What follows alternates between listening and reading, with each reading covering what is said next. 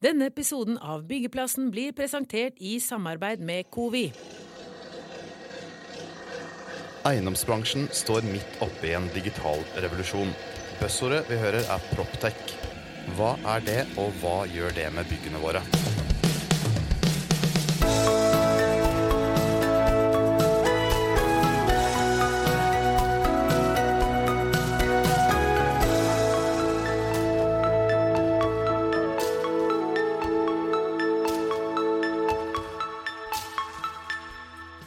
Hei og velkommen til en ny episode av Byggeindustrienbygg.no sin podkast Byggeplassen. Jeg heter Frode Aga, og i lag med Kristian Aarhus så, skal jeg lede dere gjennom den neste halvtimen.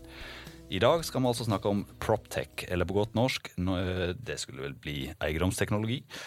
Og for å forklare oss litt nærmere øh, om hva dette er, så har vi med oss to gjester i dag, og da har vi med oss Jonas Fossnes eh, Blekastad, og jeg er eh, daglig leder og co-founder av selskapet Compact Solutions. Og vi utvikler en avfallsløsning for eh, næringsbygg. Og så har vi med oss Tor Olaf Ascher, daglig leder i Norsk Eiendom. Norsk Eiendom det er jo en bransjeforening for eiendomsselskaper. Både de som bygger ut, og de som eier og forvalter eiendom i evighetens perspektiv. Da burde vi ha i hvert fall to gjester som kan litt om det vi skal snakke om nå. Eh, og da har lyst til å bare sånn få orden på begrepene her først, eh, Tor Olaf. Kan ikke du hjelpe oss litt med det? Hva er det du legger i ordet proptech? Ja, vi liker jo ofte, Når det skjer noe nytt, så liker vi ofte å gi- omgi oss med nye og hippe begreper. Og sånn sett har vi kanskje proptech blitt et sånt begrep. Det er jo ikke vanskeligere enn at det har med å gjøre all mulig teknologi knyttet til stort sett driftseiendom. Men så er jo, som vi kanskje kan komme litt inn på senere, opptatt av at skal vi ha en god teknologi som funker for driftsfasen av et bygg, så må vi også tenke på den teknologien som man legger til rette for planlegging og bygging av bygg. Men eiendomsteknologi har vært utvikla i mange år. Hva er det som gjør at den tida vi er inne i nå, er så spennende? Nei, det, altså Den teknologien den går jo ofte i sprang. Man snakker om, om store bølger. øh, og jeg har jo holdt på med, med dette så lenge at man, øh, at man Jeg husker jeg gikk fra skrivemaskin til tekstbehandling. ikke sant? Dette er før deres tid, men, men likevel. Det, det, det var jo et teknologisprang. Og så er jo det en selvfølge nå. Og så ser vi jo, Nå kommer da dette med kunstig intelligens som, som hjelper til uh, det neste, neste spranget. Og så er det mye penger inn i bildet her. Altså, de samla investeringene i Proptech-startups globalt har stiget fra 1 milliard dollar i 2012 til 18 milliarder dollar i 2018. Og så så vi før vi gikk inn her eh, at Wikipedia skrev at det ble investert 13 milliarder dollar første halvår 2019. Hvordan er utviklinga i Proptech i Norge og internasjonalt? Ja, det, vi ser jo Når vi har konferanser om dette, så, så kommer det jo folk fra hele verden og, og inspirerer hverandre og lærer hverandre. Så det er som du sier, en, en voldsom utvikling på, på dette området. Eh, Jeg vil si at Norge henger bra med. Eh, På enkelte områder så ligger vi, foran. eh, Og på andre områder så, så har vi mye å hente ute i den store verden, selvsagt. Jeg tror det er det riktige punktet å introdusere deg på, Jonas. Ja. For eh, du eh, er en av de som virkelig har kasta deg inn i det og laga en bedrift, et startup-bedrift, som eh, det òg er jo blitt motordet startups. Det er ikke gründerbedrift lenger, men startups. Startups, ja. Stemmer. Og det har da utvikla søppelbøtter til toalett som bruker tørkepapir. Ja. Og så komprimerer denne søppelbøtta disse papirene her av seg sjøl, sånn at du får plass til ti ganger mer avfall før den må tømmes. Og det har noe å si for bygget sin drift. Kan ikke du bare fortelle litt om ideen og hvordan det har kommet i gang? Jo, det er, det er helt riktig som du sier. Uh, vi utvikler en smart avfallsbeholder. Uh, for uh, I første omgang så er det for toalettrom og, og bruk av tørkepapir. Og i hele ideen, den begynte vel egentlig Vi var jo selv studenter på NTNU tilbake i, i 2017 og, og gikk på et universitet hvor vi så et daglig problem der det fløt over av avfall.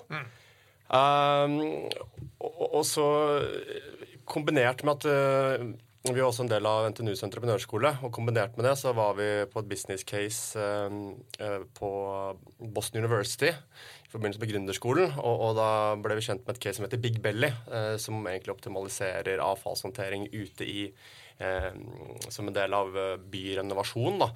Um, og så ble vi egentlig inspirert der og tenkte at dette må være smart inn i bygg. Og så har det blitt til den ideen det er i dag, hvor vi ønsker å lage en smart avfallsløsning i bygg som skal da effektivisere byggdrift og, og, gjøre det mer bærekraftig. da. Mm. Det har jo noe eh, det, det, er jo helt i startgropa. Mm. Eh, vi snakket om investeringer, investorer og sånne ting. Og så var jeg inne og kikka litt på proff.no, som en må gjøre når en forbereder seg til sånne sendinger. Nei, det, det, er vel det som er litt av problemet i begynnelsen. sant? Ja, der omsetningen er jo ikke spesielt høy. Ja. Eh, men det trenger penger for å, å, få dette her produktet opp og fram. Og, og, hvordan ligger det an der i den investorjakten? For det er vel det det handler om ofte for startups? Ja, sånn sett så er det veldig god timing at det er her i dag. Eh, fordi vi er midt i en pengehentingsrunde. Um, så, så, vi har akkurat landa Jeg har ingenting å bidra med. Nei, det, det, er veldig synd, fordi det er fortsatt åpent for å være med. Men det er klart at det er utfordrende å hente penger, og spesielt som et hardware-selskap. Det blir ofte forbundet med, med risiko. og Man har jo det begrepet 'hardware is hard', og det ligger noe i det, fordi man ofte må bevise mye. og ofte så bunner det ned en betalingsvillighet fra et marked. Og, og, for å komme dit med et hardware-produkt, så, så, er det ganske kapitalintensivt. Um, så det er klart at man trenger en del i bunn, men Investorjakt, det er, uh, det er krevende, men vi, vi, har vært heldige og vært også en del av Startup Lab-akseleratorprogrammet der. Og, og, vi har fått veldig mye gode leads gjennom dem, selvfølgelig. Eh, så, og noe utfordring er også å finne riktige investorer. Eh, vi er veldig opptatt av at det skal være smart kapital og ikke, ikke penger fordi det er penger, men det skal bidra til en god utvikling i selskapet, den kompetansen en investor bidrar med. Mm. Og så har dere fått en god idé, og har utvikla den. Ja. Men hvordan beskytter dere den gode ideen? Og det, det er også et veldig relevant spørsmål. Vi, vi, har jo søkt patent på løsningen vår.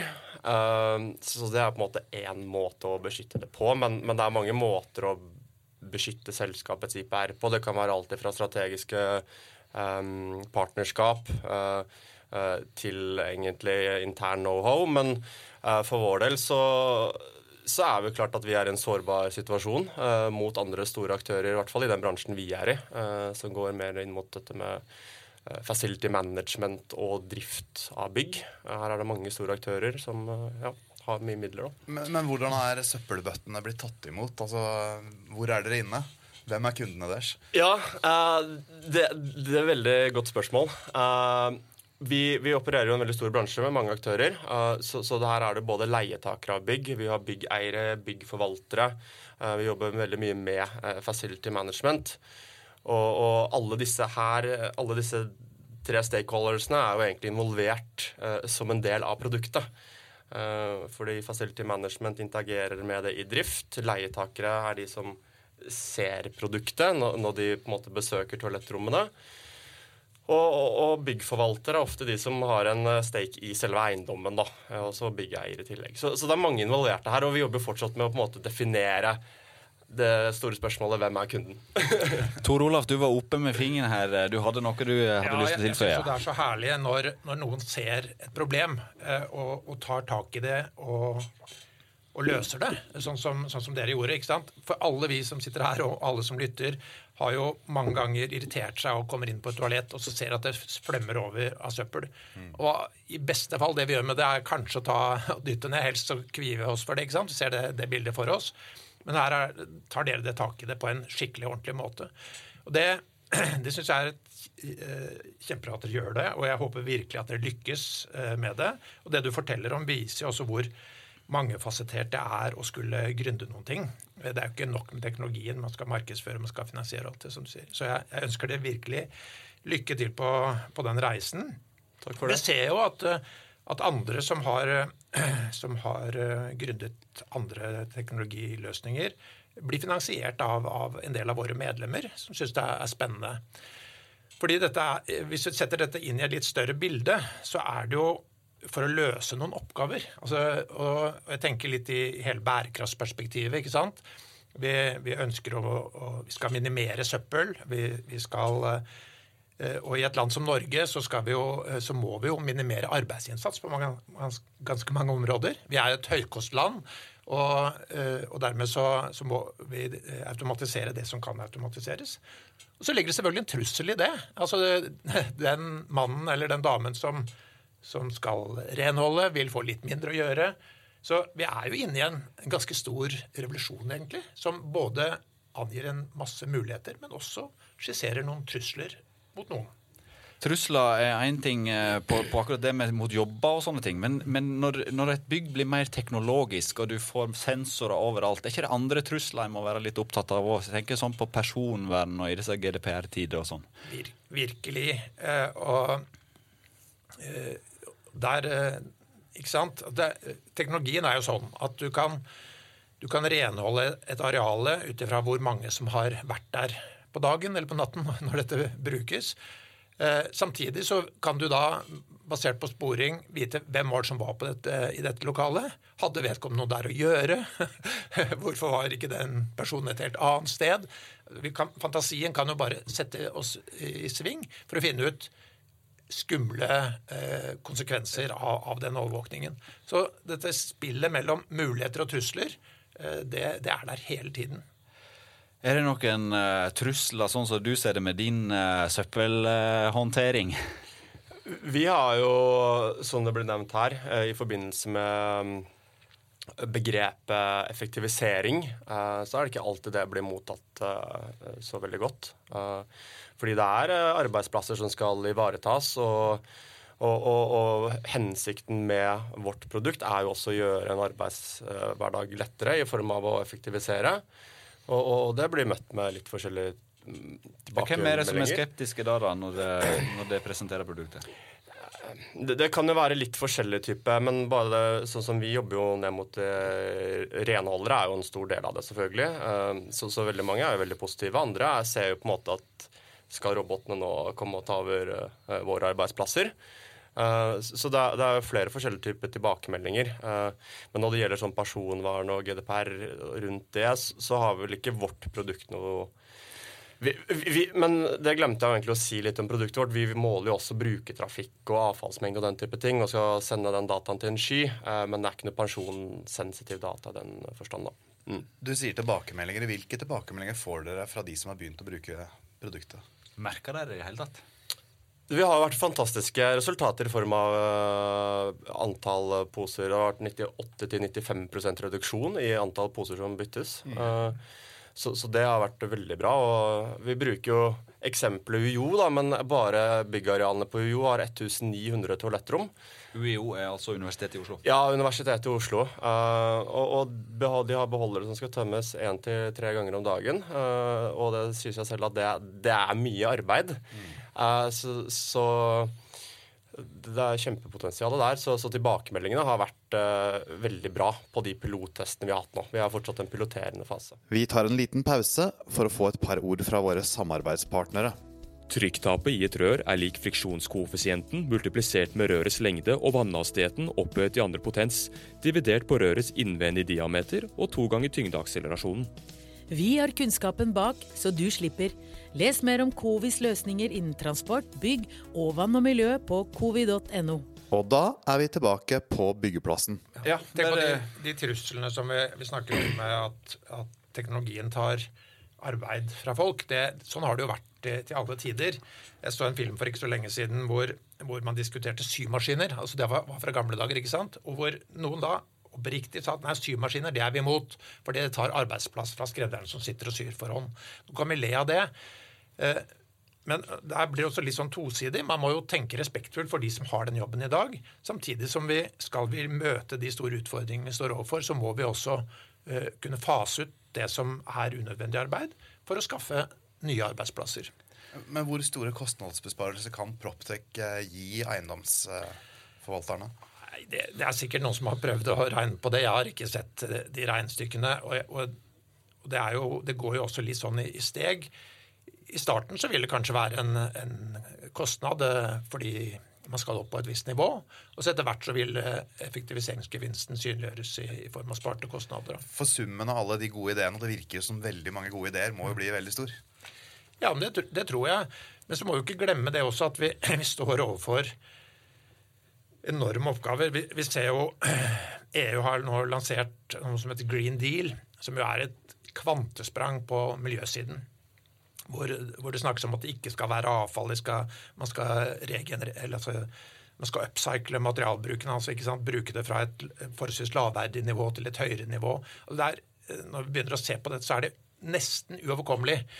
Og, så, og Grunnen til at jeg er optimist i forhold til de oppgavene vi står overfor i global og nasjonal sammenheng på, på miljøområdet, er jo fordi at vi kan ta teknologi i bruk. Hadde det ikke vært for det, så hadde jeg vært pessimist.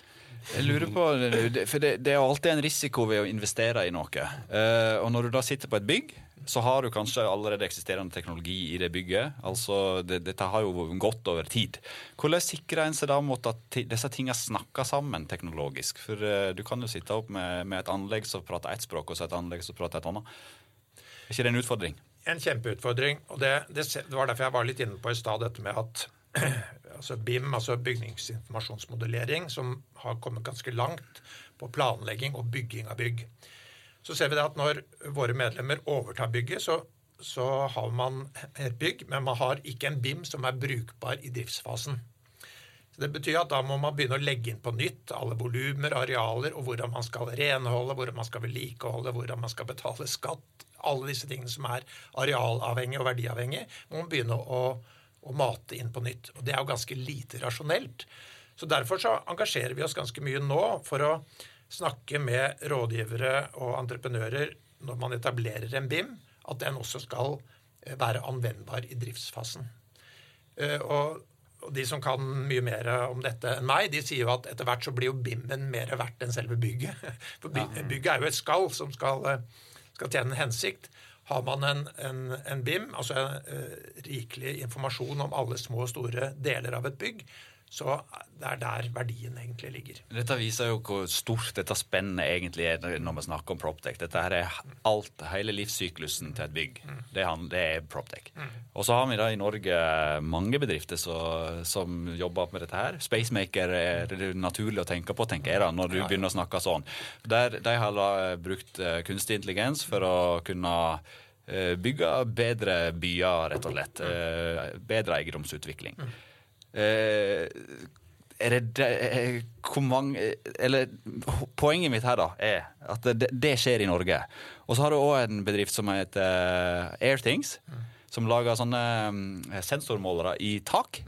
Eh, så du kan nesten som en brannvarsler, batteridrevet, som måler liksom eh, luftkvalitet, og det måler radon og alt, alt mulig inn i eh, kvaliteten i et bygg. De to tinga der viser det enorme spennet, og det begge ting er norske. Er vi, så, er vi gode her i Norge? Eh, Er det vi som er best på dette feltet her? Jeg, jeg syns det er vanskelig å si at, at vi er best. For det, altså det, for det første så, så tror jeg ikke vi er det. Men, men det er Det var et er utrolig knotete spørsmål Ja. formulert, kjenner jeg. Jo, jo, men, men, men altså, vi, vi liker ofte å si at vi er best. Jeg, jeg tenker at det er samspillet med å Vi ser jo Spacemaker, da. De, de, de er jo i utgangspunktet en arkitekt som hadde ideen. Og, og så vidt sist jeg fikk presentasjonen fra de, så, så var det fremdeles én arkitekt og 20-30 andre fagkyndige fra hele verden som sitter og programmerer og videreutvikler den modellen deres. Så, så det er jo egentlig altså, et, et annet ord som jeg syns er ganske viktig å huske på eh, når det gjelder eh, digitalisering, det handler jo om informasjonsdeling. Eh, og, og når eh, man utvikler da informasjon i et selskap, eh, så, vil andre selskap ha behov for noe av den samme informasjonen. Og når man utvikler informasjon i ett land, så vil et, et annet land, andre miljøer, andre steder i verden kunne nyttiggjøre seg den informasjonen. Eh, Og Det ligger jo enorme eh, muligheter i det, at informasjonen strømmer på kryss og tvers. Samtidig, vi, vi har snakket mye om, om eh, muligheter og utfordringer i dag. Eh, Det å eie informasjon er jo Noen har jo betalt for den. eh, Og mange holder den informasjonen ganske tett til sitt bryst. Det tror jeg vi må, må endre på det tankesettet. Skal vi, skal vi komme opp i høyere sfærer, eh, gjøre noen nye, nye kantesprang, så må vi være mye rausere med å dele informasjon. Og igjen da, Tilbake til byggebransjen, som vi har en del av nå, her hvor vi sitter i byggeindustrien og bygg.no. Eh, hvor, hvor, det handler om å planlegge og bygge og drifte bygg. Eh, så tror jeg at eh, vi må se på nye kontraktsmodeller for hvordan oppfører vi, vi bygg. Før så er det liksom, eller sånn som det er for en stor del nå, så hver part ivaretar strengt sine egne interesser. Eh, I fremtiden så vil det være informasjon knyttet til bygget og byggets funksjon og byggets, brygg, byg, eh, byggets bruk som vil være, være, det avgjørende. Og så vil man måtte dele informasjon og nyttiggjøre seg den informasjonen på, på en helt annen måte.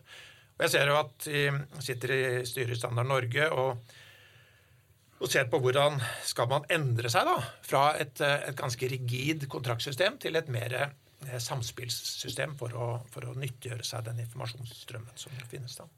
Du snakker litt om, om dele informasjon og samarbeid, Jonas. Er det noen dere jobber med å samarbeide med? Dere har jo et veldig spesifikt produkt. Vi har det. Uh, og, og, og, det er jo sånn som det ble nevnt, uh, og det er jo litt av utfordringen i Proptech, er at det finnes så mange proprietære løsninger, og, og det er veldig mange som Uh, leverer alt fra hardware til egne front-end software-løsninger og, og, skal bruke denne dataen ut mot uh, kunder. Og, og, det er fort at det blir litt mer pain and gain. Uh, og det er litt av utfordringen vår òg, er jo å finne, finne, ut av hvem er det som er riktig å samarbeide med. Og jeg tror jo at fremover så, så er det jeg, tror dette med deling av informasjon er, er helt avgjørende for at det skal bli at, et, at Proptech-teknologi skal bli, kunne bli brukt eh, til å gjøre, gjøre ting bedre. Eh, og at, eh, jeg tror også at noen vil ta en, en mer en aggregatorrolle her. Da, og være en mer samleplattform istedenfor at man må forholde seg til ti forskjellige mm. typer interface. Og så er det forskjellige mange faser. Nå snakker jeg kanskje mer om driftsfasen av bygg, for det er jo det vi ser mer på, selvfølgelig. Men for vår del så kan det være alt fra partnerskap med renholds... Eh, de som leverer software mot renholdstjenester. Det er flere mm. renholdere som går rundt i dag med iPad-løsninger. Mm. Eh, det kan være interessant. Du har Telenor som har uh, stor smartbygg-satsing. Uh, har, jo, har vel 70% av B2B-markedet i dag. Det kan være en veldig interessant vinkling. Vi har vært i dialog med selskaper som Disruptive Technologies, som også er veldig relevante for det her. Og, så, så, så det gjør det det er, det er jo også utfordrende da, å, å, finne ut av hvor er det riktige inngangene. Og jeg tror egentlig at um, det, det, finner man ut av etter hvert, men i hvert fall at det, data må deles, det, det, tror jeg veldig på. da. Mye av dette handler om brukervennlighet. Uh, vi har alle sett Rema 1000-reklamen. Uh, det smarthuset der uh, det meste går på tverke til slutt. kan et bygg noen gang bli for smart, og at det rett og slett mister sin sosiale intelligens? Uh, det er egentlig et veldig eh, godt spørsmål. Uh, jeg har ikke reflektert så mye over det, men uh, jeg tror dette her er noe altså Det er jo en, det er en litt sånn evolusjon, det her. Det har jo kanskje vært en bransje som er preget av litt Har vært litt konservativ. Så jeg, så jeg, tror at akkurat den fasen vi er i nå, så er det mye løsninger som blir prakka på. Og det, det føles kanskje for smart ut, og det er vanskelig å det er jo ikke akkurat miljøvennlig det heller, hvis de bare prakker på ting for at det er gadget. liksom. Nei, for å se om, men, men jeg tror absolutt dette her vil utvikle seg over tid, og jeg er 100 eh, sikker på at det går i en retning der byggene blir smartere og smartere. Eh, og, ja.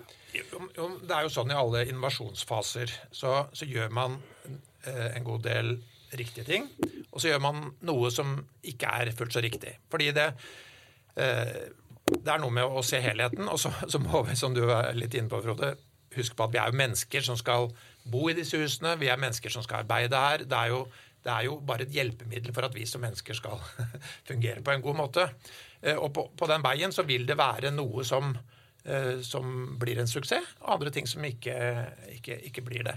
Så jeg syns jo den reklamen den er jo rasende festlig, men også en veldig god illustrasjon på, eh, på at at, tingene eh, må modnes litt underveis. og så vil Noen løsninger vil falle fra, andre vil videreutvikles i en enda bedre retning. Da. Vi har vært inne på at spekteret er veldig stort. Mm. Eh, men er det noen trender innen Proptech som man kan definere? Hva er det neste store? Jeg, jeg, jeg, føler at øh, det er litt tilfeldig altså, Jeg føler Vi som selskap har blitt kasta litt inn i Proptech. Jeg var ikke klar over det begrepet i, når vi startet dette selskapet i 2017. Og det er først det siste halvåret jeg føler uh, vi uh, definerer oss innen Proptech-segmentet. Og det er jo egentlig basert på invitasjoner for eksempel, som det her, men også til akseleratorer i både Norge og utlandet som er rene Proptech-akseleratorer. Så om det er noen egne jeg, jeg, vet ikke. Det er vanskelig å svare på det spørsmålet, men uh, det er trend, jeg, jeg, vi ser vår del av det, egentlig. Ja. Mm. Jeg, jeg, vet heller ikke om jeg ser noen trender med, men det er jo Jeg ser jo f.eks. på Spacemaker, der som har fått mye og, og vel fortjent oppmerksomhet. Eh, jeg tenker jeg snakket i stad om, om, store utfordringer. En, en, av de store utfordringene vi ser, det er byutvikling, steds- og byutvikling, hvor man diskuterer veldig eh, hva er god byutvikling. Når vi da ser at Spacemaker kan ved hjelp av kunstig intelligens eh, regne ut og beregne og sannsynliggjøre og illustrere på en god måte hva gir de beste solforholdene, de beste utsiktsforholdene osv. Så, videre. så får man mer faktakunnskap om ting som man ellers diskuterer. Og når, da, når, da har, når da Spacemaker har, kan levere på dette eh, ved hjelp av kunstig intelligens, så, så, er det andre igjen som sier at ja, men jøss, hvis vi kan bruke dette på å, å anskueliggjøre uh, lys- og utsiktsforhold i et leilighetskompleks, så kan vi kanskje bruke det til ja, hva vet jeg? Men, men det er jo sånn, sånn, innovasjon fungerer, og smitter over fra miljø til miljø. Så, så hva som blir det neste, det, det, er ikke, det er ikke jeg den rette til å spå. Men det som vi er veldig opptatt av i norsk eiendom for tiden, det er å se dette med samspillet mellom BIM i planleggings- og byggefasen og driftsfasen. Der går det enormt mye eh, verdier til spille ved at vi må starte på nytt når vi overtar dette bygget. Så vi, vi har utviklet et, et lite verktøy nå som vi kaller bestillerkompetanse BIM. Det høres jo veldig kjedelig ut, men, men vi ser jo at eh, skal man kjøpe et produkt eller en tjeneste, så må man vite litt om det man skal kjøpe. Eh, og det er noe av, av funksjonen til oss i Norsk Eiendom. Det er jo å å, å, gjøre medlemmene våre dyktigere til å gjøre gode bestillinger og, og gode innkjøp. Er de gode nok på å sikre deg? For vi hører jo alltid om uh, Internet of Things. Uh, og da tenker jeg med en gang at du åpenbart uh, kan hackes. Mm. Et bygg som er uttrykt sånn i det in internettsfæren, er det en trussel? Vi sikrer jo oss i et bygg fysisk. Mm. Er vi gode nok? På det området her? Nei, Det er vi helt sikkert ikke. Eh, og det ser vi jo fra, fra nyhetsbildet senest i går, hvor, hvor, kjente personer blir misbrukt i reklamesammenheng. Hvor man stjeler identiteten til, til, kjente personer og bruker de til å markedsføre ting som ikke er verdt å markedsføre, spør du meg. Eh, så, så, vi går jo, på, går jo, på, en smell hele tiden. Eh, det gjør vi. Men så plutselig så ser vi at det er det nye systemer som som reparerer de hullene som er laget. Og Det som jeg syns er spennende, det er jo når du ser de store internasjonale programvarehusene, ser at, at våre systemer funker ikke uten at vi får hjelp av små app-utviklere, små nye startups og andre som, som kommer inn og, og, og, hjelper til å videreutvikle, men også tette den type hull som du snakker om, Frode. Mm. Så, så det, Jeg var jo og besøkte IBM i Bergen her for et års tid siden, og hvor de sier at vi, skal vi komme videre i denne utviklingen, så må vi ha hjelp av noen andre. De åpner sine kildekoder for å si at eh, kan dere komme og hjelpe oss? Har dere, har dere en app, en applikasjon som gjør at, at, vårt system kan bli sikrere, tryggere, mer brukervennlig? Ja, så velkommen eh, inn. Velkommen inn. Velkommen inn. Velkommen inn. Og da, da, da er det én liten ting eh, som jeg kan Når jeg prøvde i stad med det knotete spørsmålet mitt, så snakket jeg så vidt om, om Airthings og de sensormålerne de lager. Det ser vi rekrutterer folk fra hele verden. Og det var derfor jeg sa er vi best på dette i verden, så mener jeg selvsagt ikke det. Jeg skjønner at ikke vi er det.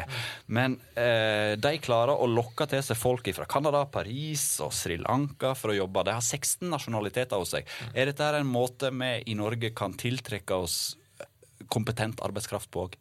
Dette markedet her er kjempespennende internasjonalt. Ja, jo, men det er jo det. Og, eh, og altså I all ubeskjedenhet så er jo Norge blitt et land som har oppmerksomhet som et attraktivt land og sted, eh, sted å, å arbeide, både arbeide og bo. Eh, så, så, sånn rent i grunn, ut fra naturforutsetningen og rikdom og alt som vi har så heldige å, å få her. Og når vi da, også med kostnadsbildet som vi har, så er vi mer tvungne til å, å finne smarte løsninger enn andre steder hvor arbeidskraften er billigere. Så det er en god kombinasjon? Ja, det er en god kombinasjon. Eh, og så er det noe med at vi også ser vår besøkelsestid. Nå har vi jo levd overmåte godt av olje i 40 år. Eh, og vi, skjønner jo alle at eh, hvordan skal vi leve godt av noe annet? For vi kan ikke fortsette å leve av olje. Men, men det vi gjorde i oljealderens start, var jo helt revolusjonerende internasjonalt. Det var ingen andre som hadde løst dette med olje på store havdyp. Og nå har vi muligheten, og det ser vi mange tendenser til, at vi løser oppgaver som ingen andre i verden har løst. Da har jeg lyst til å bare si at vi hadde notert i vårt manus her Er det Proptech vi skal leve etter oljen? Du er inne på det. Men er det virkelig det? Men hvor mange skal dere være i Kompaks om noen år? Ah, det er et godt spørsmål. Eh, prognosene sier at vi skal være mange, for vi skal jo ta over verden med den løsningen her. Eh, så vi, vi, blir mange. Eh, men vi er jo allerede i dag eh, vår, vår, første ansatt var eh, en fra England. Eh, så vi snakker engelsk i dag og har vært veldig fornøyd med det. Og det har jo både vært litt med den kompetansen man finner der ute òg. For det er ikke alltid man finner det man trenger her i Norge heller. Når det kommer til spisskompetanse, så, så så, så, vår første rekrutteringsprosess var egentlig å, å fly ned fra én til Norge. Uh, fløy rundt på visninger uh, og ja, var tilgjengelig for å få denne personen til å trives og bo i Norge. da. Uh, og, så, så, det har vært veldig bra. Så, så det har jo egentlig gitt smaken på at mm. det, det, er ikke noe farlig å rekruttere fra utlandet. Og, og, det kan jo selvfølgelig være litt kulturelle utfordringer sånn kanskje, men, men jeg tenker at det gjør bare at man lærer veldig mye, spesielt hvis man skal ekspandere til internasjonalt senere. Eh, så er det bare kunnskap som vil eh, gagne selskapet på en veldig god måte. da. Da er vel vår eh, Podtech-podkast i ferd med å nærme seg slutten. Vi bruker klokka som teknologi her foreløpig. Vi får se om det kommer noen podkastsensorer etter hvert. Men takk til Tor Olaf Fartser og Jonas Fossnes Blekastad, som var med oss her i dag. Kristian Aarhus og Frode Aga har vært programledere, og du kan lytte til Byggeplassen der du finner dine podkaster. Vi er snart tilbake med en ny episode av Byggeplassen. Denne episoden av Byggeplassen ble presentert i samarbeid med Covi.